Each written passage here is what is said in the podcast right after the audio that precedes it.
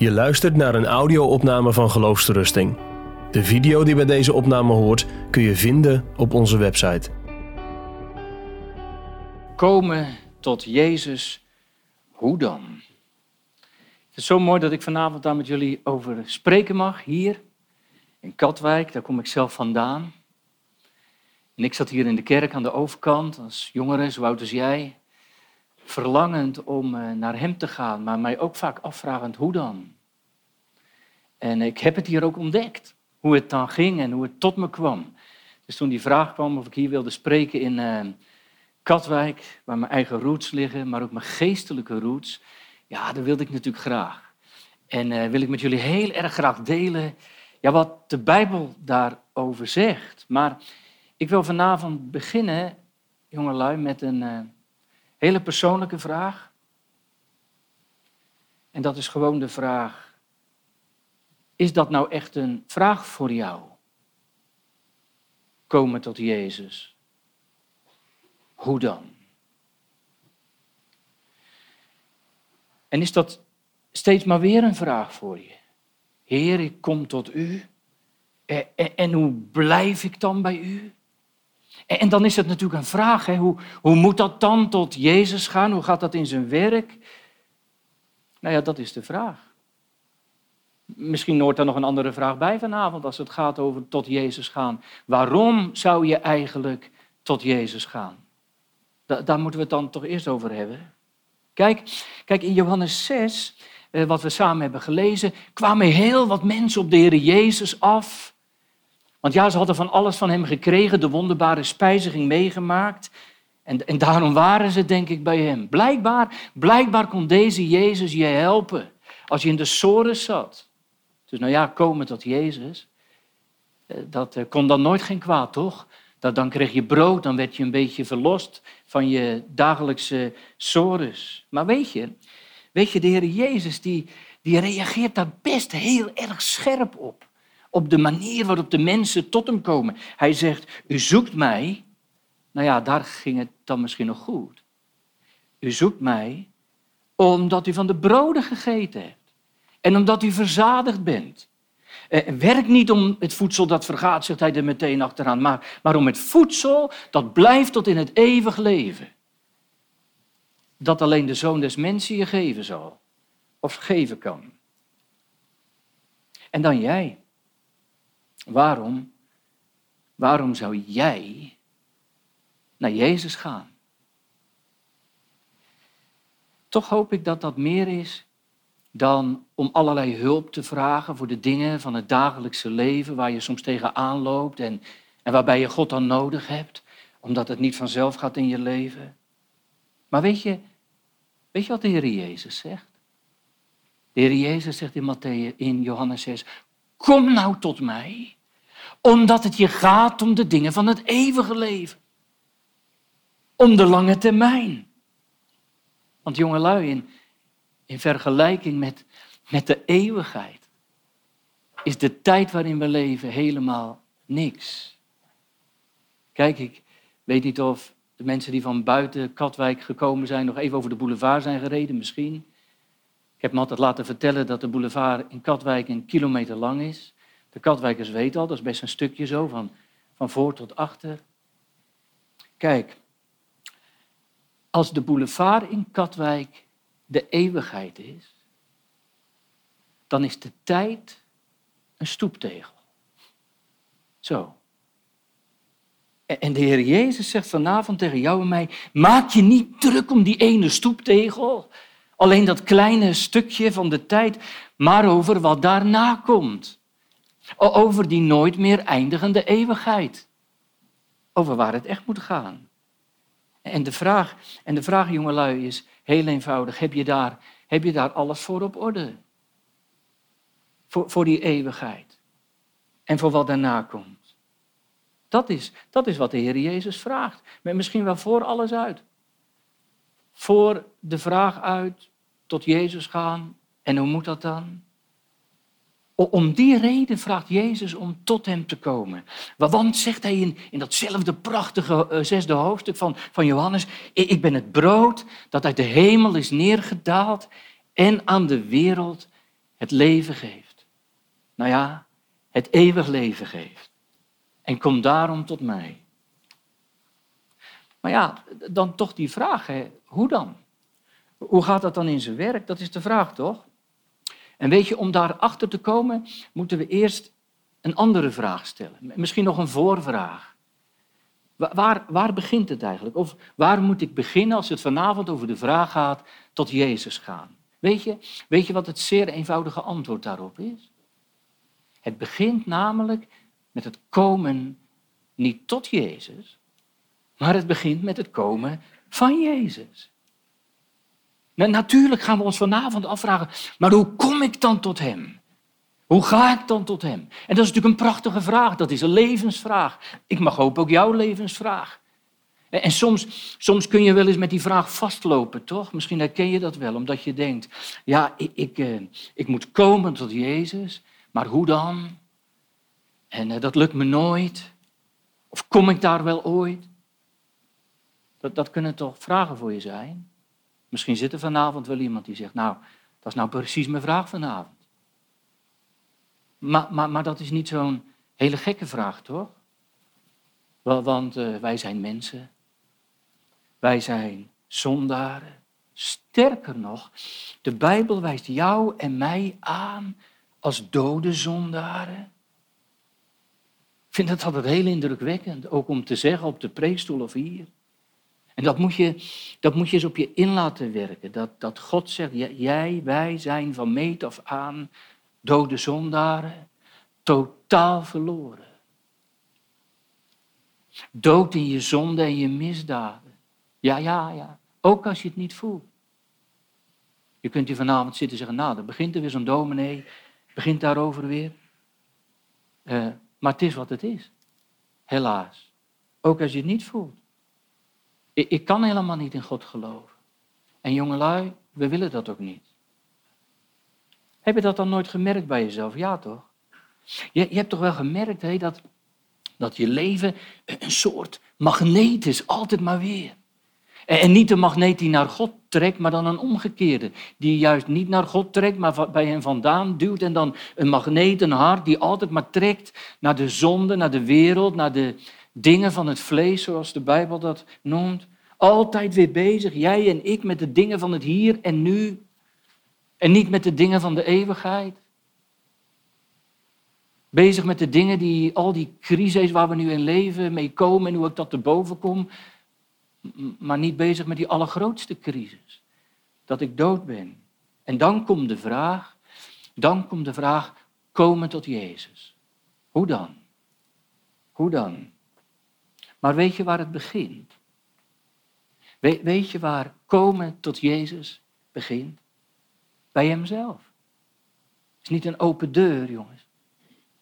Dat, dat begint bij hemzelf. Eerst zou je kunnen zeggen, in de roepstem, als je tot Jezus moet komen, is daar eerst het komen van de Heer Jezus zelf. Hij, hij is in beweging gekomen, omdat God bewogen was. Hoor maar wat hij daar zelf over zegt.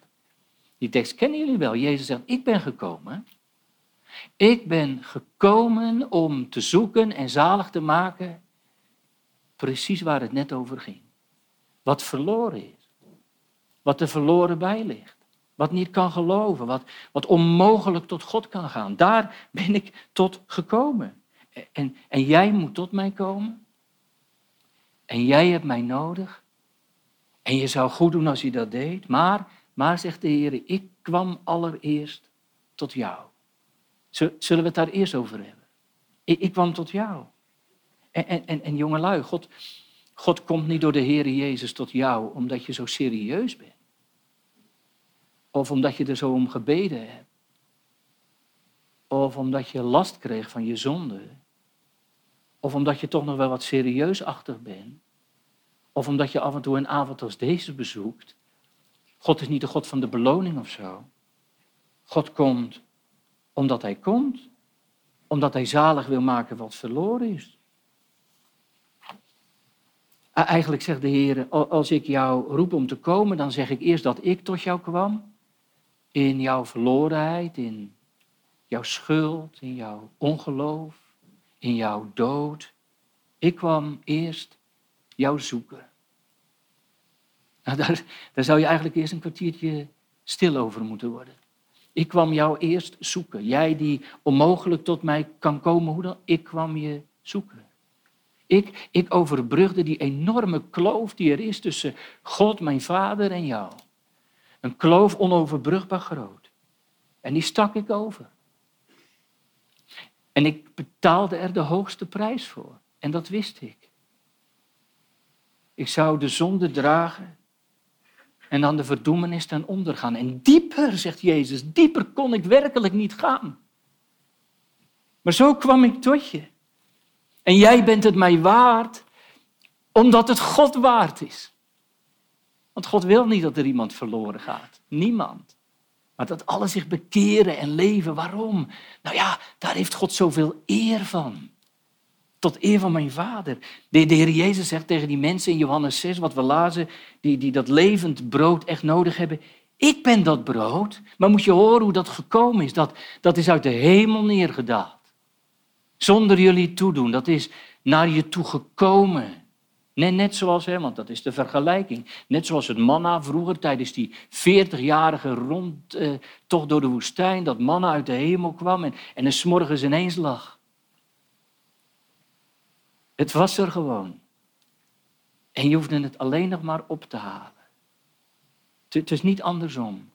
Niet eerst je lege emmertje een beetje buiten gaan brengen en ophouden. En, maar, maar de Heer zegt, allereerst ben ik dat brood dat uit de hemel neerdaalt. En in je leven neervalt. En toen dat brood viel, toen konden de mensen komen, toch? En, en toen konden ze het ook verzamelen. Jongelui, komen tot Jezus begint bij zijn komen. Bij zijn naar jou toe komen. Gelukkig voor die jongere die zich vanavond misschien echt de vraag heeft gesteld. Hoe kom ik nou tot Jezus? En gelukkig voor die jongere die altijd maar denkt, maar, maar volgens mij kom ik er nooit. Of die jongere die steeds struikelt. Of ik weet niet hoe je zit. Misschien ben je wel zo'n enorme twijfelaar. Denk je, ik twijfel zoveel. Eh, kom, kom ik er ooit? Hij komt. Hij zegt, ik ben gekomen. En, en weet je wat zo mooi is? Dat de Heer Jezus zegt, kom tot mij tegen mensen naar wie hij zelf is toegekomen. Dus kom tot mij, kom tot Jezus. Maar hij zegt het tegen mensen die voor hem staan, die hij heeft opgezocht. Is toch prachtig? Ik ben gekomen. Kijk, vorig jaar eh, zijn wij verhuisd. Eerst woonden we op de Veluwe en, en toen zijn we verhuisd naar eh, het westen weer, rond Rotterdam. En we hebben een huis nu aan de Nieuwe Maas. Mooi man. We wonen zo geweldig prachtig aan de rivier. Het is natuurlijk niet de zee, even voor de Katwijkers. Maar het is wel mooi. Het is niet aan de Wurft wonen, maar een soort van. En, en, en die rivier waar wij wonen is best breed. Nog breder dan ik zelf altijd dacht. Die is daar zo'n 4,500 meter uh, breed. En toen wij daar woonden, dan, dan, ja, dan kijk je uit je raam. Zijn echt op de dijk gebouwd. En dan kijk je naar de overkant en, en daar is Krimpen, Krimp aan de IJssel. En daar wilde ik wel eens heen. Je wilt toch de omgeving, je nieuwe woonomgeving verkennen. Maar hoe moest ik daar nou komen? Nou, lopend is geen doen. En met een eigen boot ook niet. Sterker nog, jongens, die rivier is daar zo breed, stroomt daar zo hard. Ik heb dat allemaal nooit geweten. Het is levensgevaarlijk.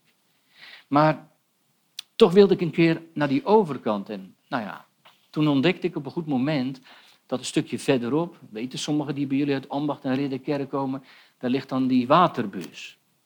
Eh, zeg maar een soort pont. En, en die pont brengt je uiteraard naar de overkant. En ik weet nog, toen ik voor de eerste keer op die pont stond te wachten, prachtig man, die zo van de overkant komt. Nou ja, jullie vinden het misschien niet een interessant verhaal, maar ik vond het wel geweldig. Ja, dat je het water op gaat en dan, dan ben je gewoon in, in no time aan de overkant. Maar, maar, ik bedoelde vanavond wel iets mee. Die overkant waar ik zelf niet kan komen. Maar die ik wel ontdekken wil. Maar jongelui, daarvoor moet je wel opstappen. Op die pont stappen. En dat is wat de Heer Jezus bedoelt als Hij vanavond zegt, kom tot mij. Geloof dat ik de enige ben die je naar die overkant brengt. En dat ik van de overkant ben gekomen. En dat ik aanleg in jouw leven. En dat ik dat doe om jouw verloren zondaar zalig te maken en je te brengen aan die heerlijke overkant van de eeuwigheid.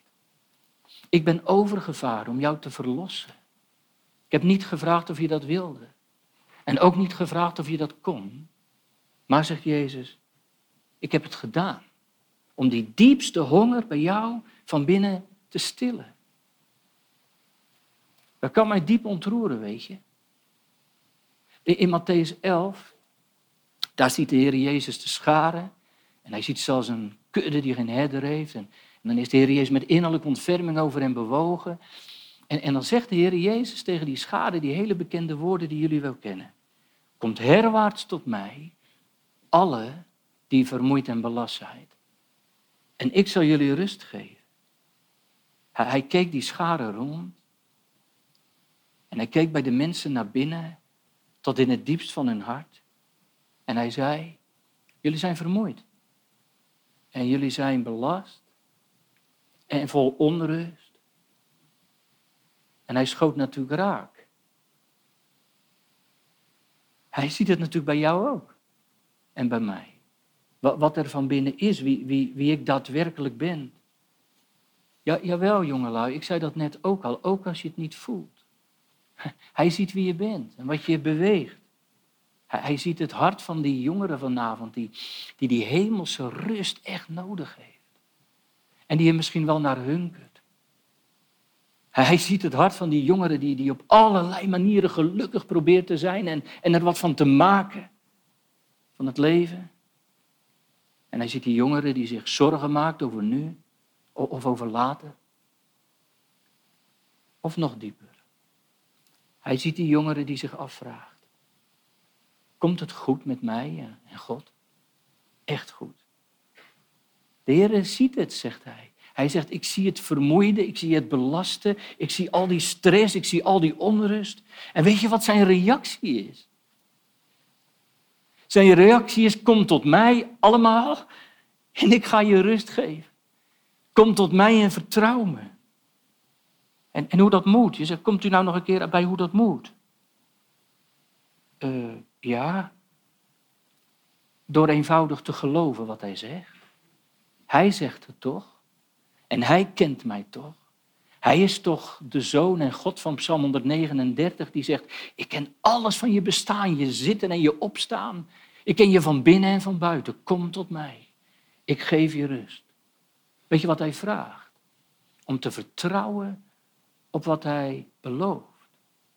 Hij vraagt eigenlijk precies hetzelfde als wat het volk van Israël moest doen in, in de woestijn toen ze gebeten waren door die slangen en toen Mozes die slang op die staf moest doen en tegen het volk gezegd had, je moet naar die slang kijken en God belooft, wie op die slang ziet, die zal genezen worden. En dat gebeurde. Moet ik het dan nog eenvoudiger zeggen? Wat moet je doen? Nou, niks of iets. Je moet je Bijbel open doen. En die woorden van God horen en tot je nemen. En erop vertrouwen, omdat Hij ze spreekt. En omdat Hij ze aan je voeten legt. Omdat Hij aanmeert met zijn eigen zoon Jezus Christus. Psalm 95 zingen we wel eens in de kerk. Zo'n prachtige psalm die zegt, zo gij zijn stem dan heden hoort. Gelooft zijn heil en troostrijk woord en verhard je niet, maar laat je leiden. Mooi. Ja, maar zegt iemand vanavond. Uh, maar, maar de Heer Jezus zegt er toch wel iets bij. En, en, daar, daar worstel ik nou juist mee. Want u zegt, ja, je moet geloven. En, en dat woord dan op zijn woord vertrouwen is prachtig.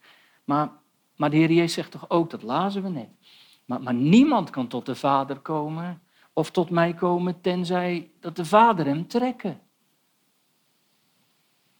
En misschien zit je daar wel mee en zeg ja, maar ik, ik merk altijd wel iets dat ik hem nodig heb. En, en dat woord van God, het, ja, het raakt me ook wel mee. Maar ja, God moet me ook trekken.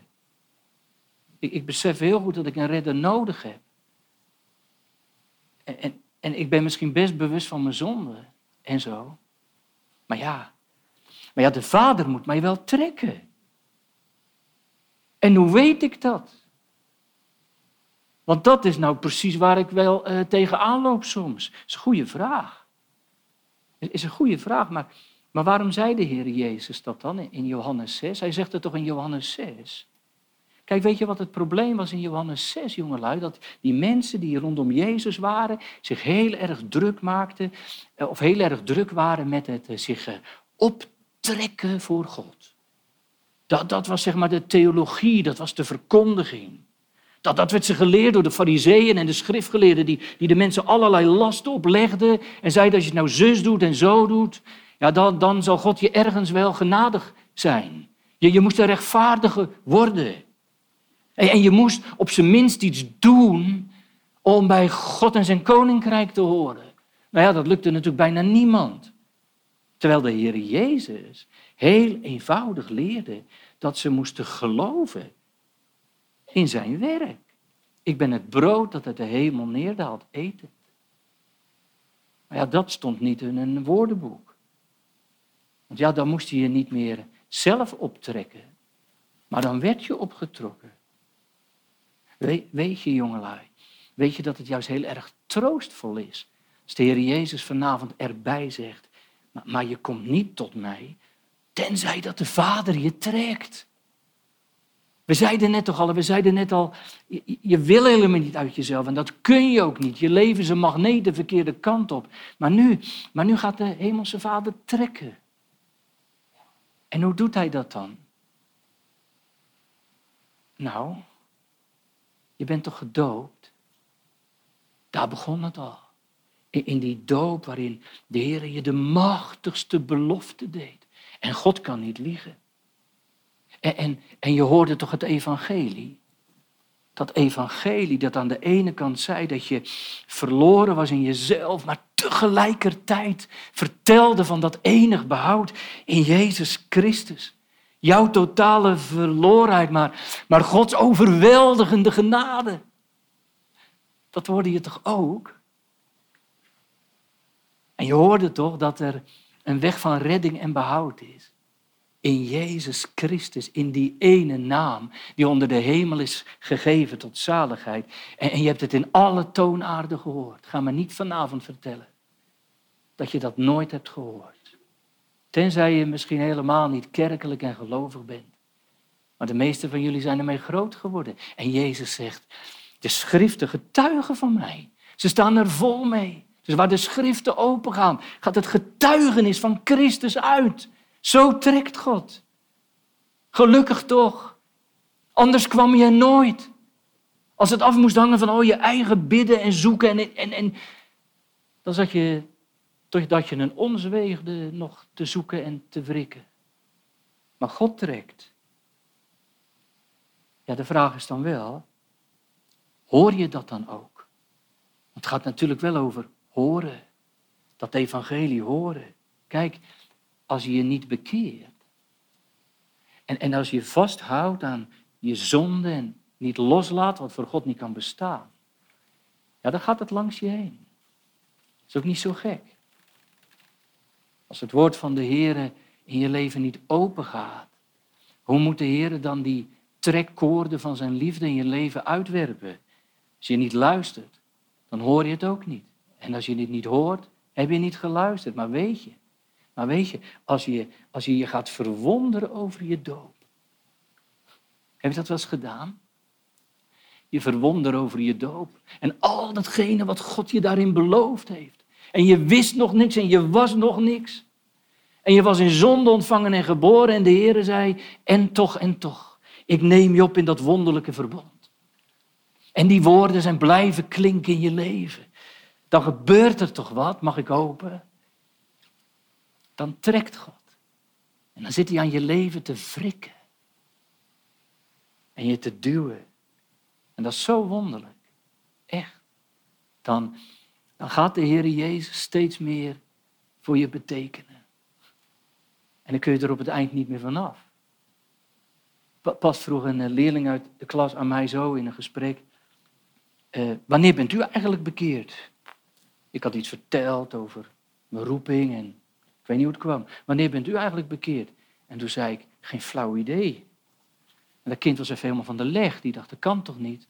Een dominee die zegt dat hij het niet weet. Maar ik weet het echt niet. Weet je wat ik wel weet, jongelui? Dat ik hier aan de overkant zat. Mijn achttiende en op mijn twintigste en op mijn vierentwintigste.